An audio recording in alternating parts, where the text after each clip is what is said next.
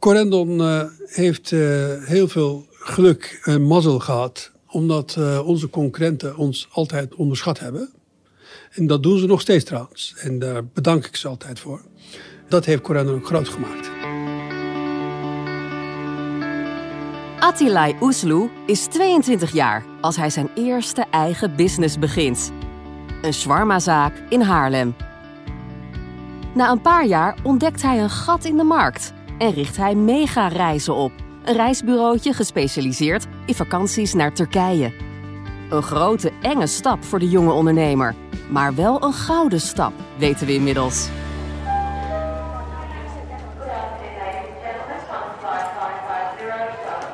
Hoe bouwde Attilai zijn kleine reisbureautje met één bureau en een fax uit tot het enorme Corendon, een internationaal topbedrijf met meer dan 50 reisbestemmingen, een eigen vliegmaatschappij en eigen hotels.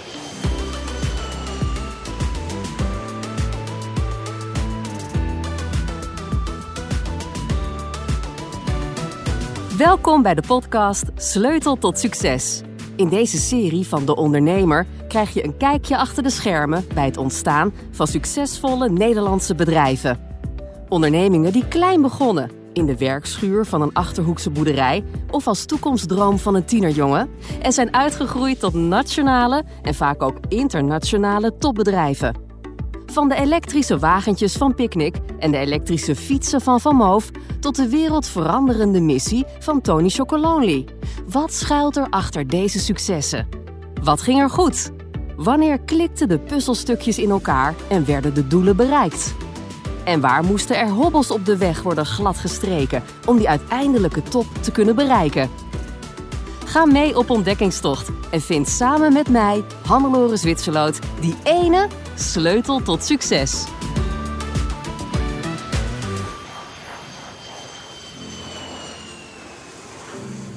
Attilai wordt in Turkije geboren, maar verhuist als hij één jaar is naar Nederland, naar Haarlem. Hij volgt daar later de MAVO, gevolgd door de LTS, en staat aan de start van een carrière als elektrotechnisch monteur. Wat voor ambities had hij als tiener? Nou, het was toen een uh, discussie thuis uh, met mijn moeder en mijn vader. Mijn moeder wilde dat ik gewoon bij PTT ging werken en meteen kinderen zou hebben en een gelukkig gezinsleven zou. En mijn vader vond dat allemaal bullshit. Die zei van, je moet gewoon ondernemer worden, niet voor een baas werken. Dus ik heb in eerste instantie geluisterd naar mijn moeder. Hij was toch een moederskind. En later heb ik de weg van mijn advies met mijn vader gevolgd. Attilai's vader, Atta, is zelf ondernemer en raadt zijn zoon aan dezelfde kant op te gaan. Attilai besluit uiteindelijk het advies op te volgen. Maar een business in de reiswereld? Dat is op dat moment nog helemaal niet aan de orde. De eerste stappen in het ondernemersleven gaan een heel andere kant op. Ik uh, ben uh, gestart in de reiswereld in 1994. Uh, voordat ik dat deed, had ik een shawarmazaak. Van 1990 tot 94 had ik een shawarmazaak. Net klaar met de LTS, met een vers diploma elektrotechnisch monteur op zak. Waar haal je dan het geld vandaan om een eigen zaak te openen? Uh, ik uh, ben uh, toen ik met de shawarmazaak ging starten, dat was mijn eerste bedrijf in 1990. Ik was toen 22. Toen had ik 5000 gulden op mijn rekening. En ik kon mijn shawarmazaak van mijn oom kopen voor 25.000 gulden. En ehm, de goud van mijn vrouw, toenmalige vrouw, heb ik bij de bank van beleggen, kon ik daar kwijt. En heb ik 9000 gulden gekregen. En zodoende met 14.000 gulden ben ik gestart. Dat was mijn startkapitaal. In de Swarma-zaak van zijn oom leert Attilai zijn eigen business op te zetten. Het gaat goed. Er wordt veel Swarma verkocht en de zaak is een succes. Maar één ding gaat hem tegenstaan. De lange avonden en het tot diep in de nacht werken. Hij besluit na een paar jaar zijn carrière radicaal om te gooien. Hij start een reisbureau. Van een shawarma-zaak naar een reisbureau lijkt nogal een grote stap. En ook geen hele logische. Hoe komt hij erop? Ik ben met de reizen gestart omdat ik dacht van ja, iedereen gaat uh, naar Turkije uh, op vakantie met een auto. Ja, ik kan dat ook wel uh, verkopen.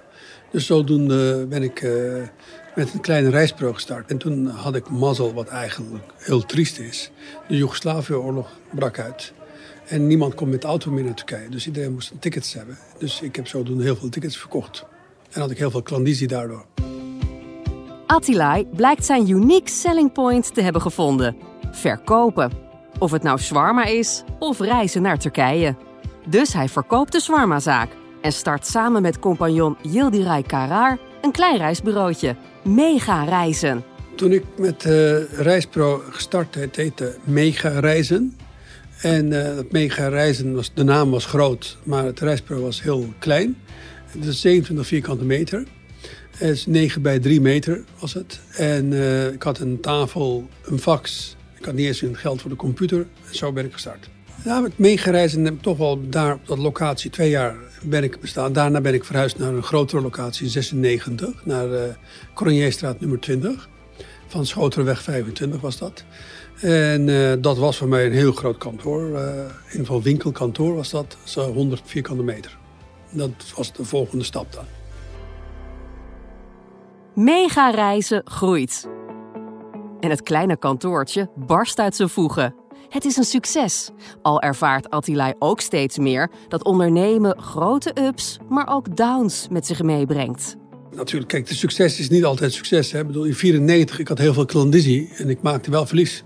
Omdat er een paar bedrijven failliet zijn gegaan en ik heb geld verloren daarin. En in 95 heb ik weer verdiend, 96 ook. En uh, ja, soms maak geld, soms verlies je geld. En dat is ondernemen. Maar toch is het wel degelijk een succes. Mega Reizen vloeit over in een nieuw bedrijf met een nieuw businessmodel. Het is de geboorte van touroperator Corendon. Waar ze eerst alleen vliegtickets verkopen, gaan ze nu hele pakketten aanbieden. Vlucht, hotel, activiteiten. Het is next level voor Attilai en zijn partner. En dat brengt de nodige uitdagingen met zich mee. Ik had op dat moment zag ik uh, van uh, ja, want reispro's die hebben uh, geen toekomst. En in ieder geval niet een valide toekomst. Hè. Dan dacht ik van, ik ga iets anders bedenken. Ja, dan, wat is dan de toekomst? Dus toen ben ik begonnen met een touroperator. Dat was een next level weer hè, voor mij, want een reisbureau naar touroperator is toch een stapje hoog. Ik vond het wel heel eng, een eigen touroperating starten. Maar uiteindelijk zijn we daarmee gewoon begonnen. Corendon. Waar halen ze eigenlijk de inspiratie voor de naam vandaan? Corendon is een edelsteen. Na diamant, uh, één na sterkste. Diamant is sterkte 10 en corendon is sterkte nummer 9. Komt van het woord corunt vandaan. Bijna net zo sterk als diamant. Een duidelijke boodschap. Nog steeds zijn er, net zoals bij de Swarma-zaak, geen investeerders bij het bedrijf van Attilai betrokken. De nieuwe tour operator wordt opgestart met eigen kapitaal en groeit langzaam maar gestaag. Corendon wordt goed opgepikt, maar na een paar jaar komen de eerste problemen. 2004 en 2005 hadden we de eerste problemen. En het, ons probleem was toen uh, vliegtuigstoelen te kunnen krijgen, te vinden. En uh, wat uh, was het probleem? Dus de, onze concurrenten die hadden ons geblokkeerd uh, naar de goede vliegtuigstoelen. Dus we konden alleen maar met airlines vliegen die ja, waren geen bona fide airlines. Dat wilden we niet. Een rigoureuze beslissing volgt. Dus uiteindelijk hebben we gezegd, dan gaan we maar een eigen airline starten. In 2005 zijn we begonnen met een eigen airline. En zodoende ja, dat airline is nu ondertussen met 38 vliegtuigen. Dus een aardig grote airline geworden. Maar dat uh, vak kennen we ook niet. Dat hebben we ook uh, on the way geleerd, zeg maar. Dear guests and beloved children, welcome on board. Please pay attention to the following safety instructions regarding your Corendon journey. Now, fasten your seatbelt, make sure your seat is in an upright position, raise your window shade, and make sure your tray table is closed. Your safety instruction card is available in the seat pocket. Please refer to it for your brace position and other important safety information. On behalf of Corendon Airlines, we hope you have a pleasant and comfortable flight. Thank you. Een eigen airline. Attilai's compagnon stort zich op de nieuwe missie. Het is geen makkelijke job. De mannen weten niet precies waar ze moeten beginnen. Dus halen mensen met verstand van zaken binnen om de maatschappij op te zetten.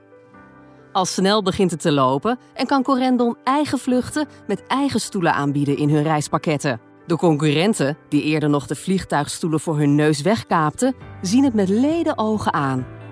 Corendon uh, heeft uh, heel veel geluk en mazzel gehad, omdat uh, onze concurrenten ons altijd onderschat hebben. En dat doen ze nog steeds trouwens. En daar, en daar bedank ik ze altijd voor. dat heeft Corendon ook groot gemaakt. Toen wij dat airline opstartten, iedereen heeft gezegd van oh, die gaan failliet. Die gaan dat nooit trekken, trekken en dat en dit. Nou, hebben een gezonde airline. En hotel, idem dito. Eh, wat, wat kan een tour operator kan nooit een hotel starten. En nou, we hebben nu tien hotels. Want ook die hotels brengen problemen met zich mee. De tour operator heeft dan wel eigen vliegtuigstoelen. Als ze willen groeien, hebben ze ook eigen hotelbedden nodig. In uh, eh, 2012 zijn we met, ook met hotels begonnen. Want uh, op een gegeven moment moest je toch eigen hotelsbedden hebben. Want als je je touroperator uh, een toekomst wil geven, heb je ook eigen bedden nodig. Dus zodoende zijn we ook met een eigen hotelketen begonnen. Ondertussen hebben we ook rond de 10.000 bedden. Corendon is nu niet alleen meer touroperator, maar ook vliegmaatschappij en hoteleigenaar.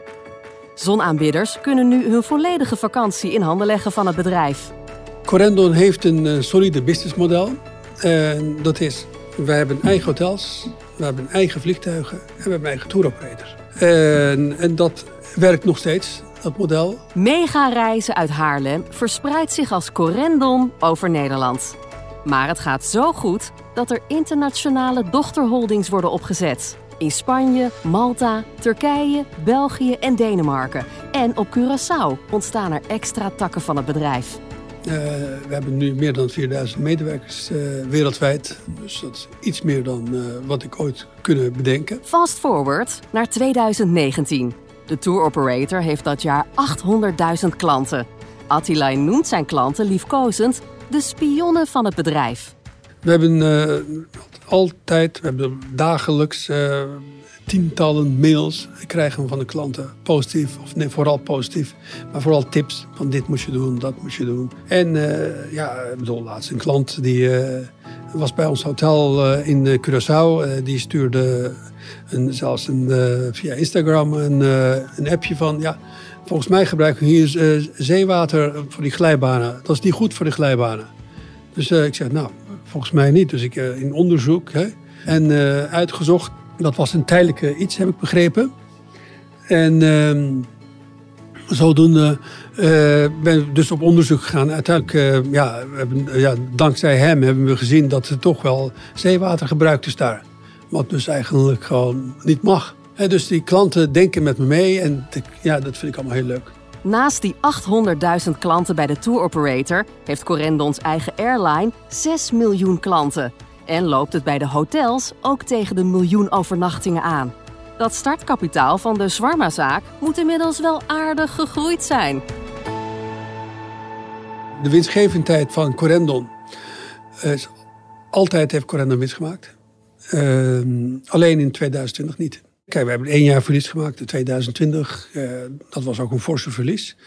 En en, en, dit jaar gaan we gewoon met een uh, forse winst, uh, nou, forse, goede winst uh, afsluiten.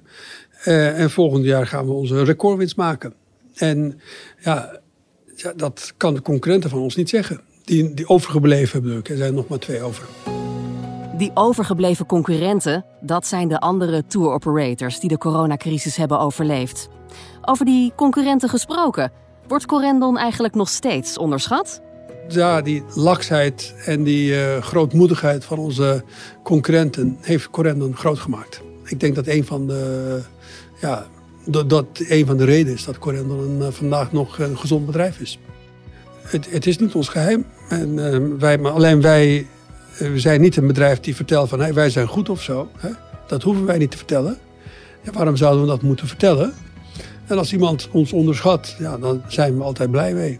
En dat laten we laten ook altijd in die waan. Eh, Ik wil dat ook niet voor hem bewijzen. Wij hebben een soort van, we kunnen nog eh, een paar jaar verder deze weg dan.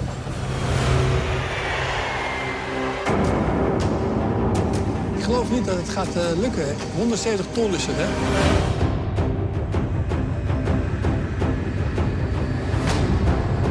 Door de weilanden een 747 gaan brengen naar het hotel. Ja, dat wordt het mega. Het grootste obstakel waar we, waar we overheen moeten, dat is uh, de A9. De A9 moet afgesloten worden. Met een aantal sloten moeten we dempen, bruggen bouwen. Alles moet gebeuren. Hij moet ook in passen. Het toestel is 60 meter. Waar hij in moet komen is 51 meter. Het is wel spectaculair. Hè? Ik bedoel, aan de andere kant, het is ook spannend, zeg maar. Het opzetten van een airline, het bouwen van het grootste hotel in de Benelux, met zelfs een vliegtuig in de achtertuin, een vijfsterrenhotel met 400 kamers op Curaçao, nieuwe bestemmingen. 20 jaar Corendon heeft veel hoogtepunten met zich meegebracht. Zijn er voor Attilai ook dieptepunten geweest? Zakelijk uh, dieptepunten, ja, wij zien dat dat, dat is een. Uh, als je, ja, heel veel mensen zeggen als je verlies maakt of uh, als je uh, verkeerde beslissing maakt. Weet je, dat zien ze als dieptepunt. Maar wij zien dat niet als dieptepunt, maar wij zien dat meer als een leerpunt, hè? leermomenten. En echt op zakelijk gebied dieptepunten hebben we niet meegemaakt. Dat willen we ook zo houden. En maar we staan er nooit echt bij stil. We hebben zo we gedaan. We, gaan altijd, we kijken altijd naar voren en nooit naar achteren. Vooruitkijken en verbeteren. Dat blijven ze bij Corendon altijd doen. Ziet de toekomst er dan ook stralend uit? Onze plannen uh, voor de toekomst van Corendon uh, is uh, ja, de drie takken goed vasthouden. Dus de hotels, tour operator en airline. Hè, in die branche verder groeien. Of in ieder geval meer lean en mean. Maar we kunnen dat we in ieder geval tegen de concurrentie bestand zijn en ons businessmodel ook nog van deze tijd is. En ook de toekomst van Attilai zelf is stralend. Want 15 jaar geleden kwam hij tot een belangrijke ontdekking. Ik, ik zit tour operator, uh, hotels en airline. Dat is allemaal uh, mensen naar vakantie uh, sturen. En ehm, dat is een van de leukste vakken die je kan hebben. Want ik, heb, ik besefte ongeveer 15 jaar geleden dat ik echt de, mooiste vak uh, van de wereld heb. Want ik zat met een advocaat in gesprek en uh, die, had, die wilde solliciteren bij mij als reisleider. Ik zei, nou, waarom dan? Hè? Je hebt een advocaat, die hebt gestudeerd en dan wil je een reisleider worden. En uh, toen zei hij van, weet je, zei, bij mij komen mensen alleen met klachten. Die hebben altijd, als ze een probleem hebben, komen ze bij mij. Ik moet dat weer oplossen. En bij jou, je hebt alleen maar blije mensen. Nou, dat klopt wel, ja. ja. Als ze bij mij een reis boeken, hebben die voorpret is nog leuker hè, dan een reis zelf eigenlijk. Ze hebben alleen maar, we hebben uh, de mooiste vak. Het was een grote en moedige stap. Van shawarma-verkoper tot eigen tour operator. De onafhankelijkheid die het ondernemen met zich heeft meegebracht, geeft Attilai de vrijheid om te doen wat hij het liefste doet. En het beste kan. Het advies van zijn vader om ondernemer te worden heeft hem dus zeker geen windeieren gelegd. Is hij blij dat hij zijn vaders advies heeft opgevolgd, ruim 30 jaar geleden? Of ik blij ben dat ik mijn vaders advies gevolgd, opgevolgd heb, ja, dat weet ik niet. Uh, ja, zo ondernemer zijn en, uh, en dan uh, leiding geven aan 4000 medewerkers dat is niet waar natuurlijk. We, hebben allemaal, we CEO's en uh, we hebben managing directors en die allemaal leiding geven. Ik geef het niet aan, aan de 4000, maar wel indirect ben ik wel verantwoordelijk voor. Dat geeft wel een enorme zorg op je. En uh, ja, misschien had ik toch uh, mijn moeders advies moeten volgen, denk ik. Dan had ik minst, ja, dan wist ik ook wanneer ik vakantie ging. En wist ik ook, als ik thuis ben, dat ik thuis was. Hè? Ja, nu ben ik 7, 24 uh, gewoon aan. Hoe goed het advies van moeders ook is, in dit geval is het een goede stap geweest om naar vader te luisteren. Want door het opvolgen van zijn advies kunnen er nu miljoenen mensen per jaar op zonvakantie. Voorpret, zon, lekker eten, blije vakantiegangers. Het is voor ondernemer Attilai het mooiste dat er is. En ondernemen daar blijkt hij toch ook wel heel erg goed in te zijn. Wat is Attilai's sleutel tot succes?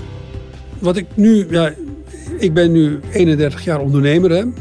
Wat ik uh, je moet natuurlijk altijd een, een businessmodel hebben die toekomst heeft. Hè? Daar ga ik vanuit als je start dat je dat hebt. Dat dat inherent, doen van, inherent is aan het ondernemen. Maar nog belangrijker is duurzame relaties bouwen. Daarmee bedoel ik, mijn drukker is nog steeds de drukker van 1994. Het zijn, uh, mijn advocaat is nog steeds hetzelfde van 1994. En uh, dus het is een, uh, die relaties zijn heel belangrijk. Duurzame relaties. Vertrouwen. Want die contracten zijn allemaal heel leuk. Die maak je namelijk, als je een probleem hebt, heb je die contract nodig. Uh, je moet zorgen dat je geen probleem hebt. Je moet zorgen dat je met uh, betrouwbare mensen om je heen werkt. Want dat kan alleen als je zelf betrouwbaar bent. Dit was de vierde aflevering van Sleutel tot Succes. Een podcastserie van De Ondernemer en Topcast Media. Met dank aan Attilai Oesloe voor zijn motiverende verhaal. In de volgende aflevering duiken we in de ontstaansgeschiedenis van het succesvolle juwelenmerk Verder en Verder. Opgericht door tweelingzussen Esther en Anne Vedder. Hoe wisten ze van hun sieradenworkshops voor vrijgezellenfeestjes een succesvol online merk met eigen atelier en academy te maken? Tot dan en bedankt voor het luisteren.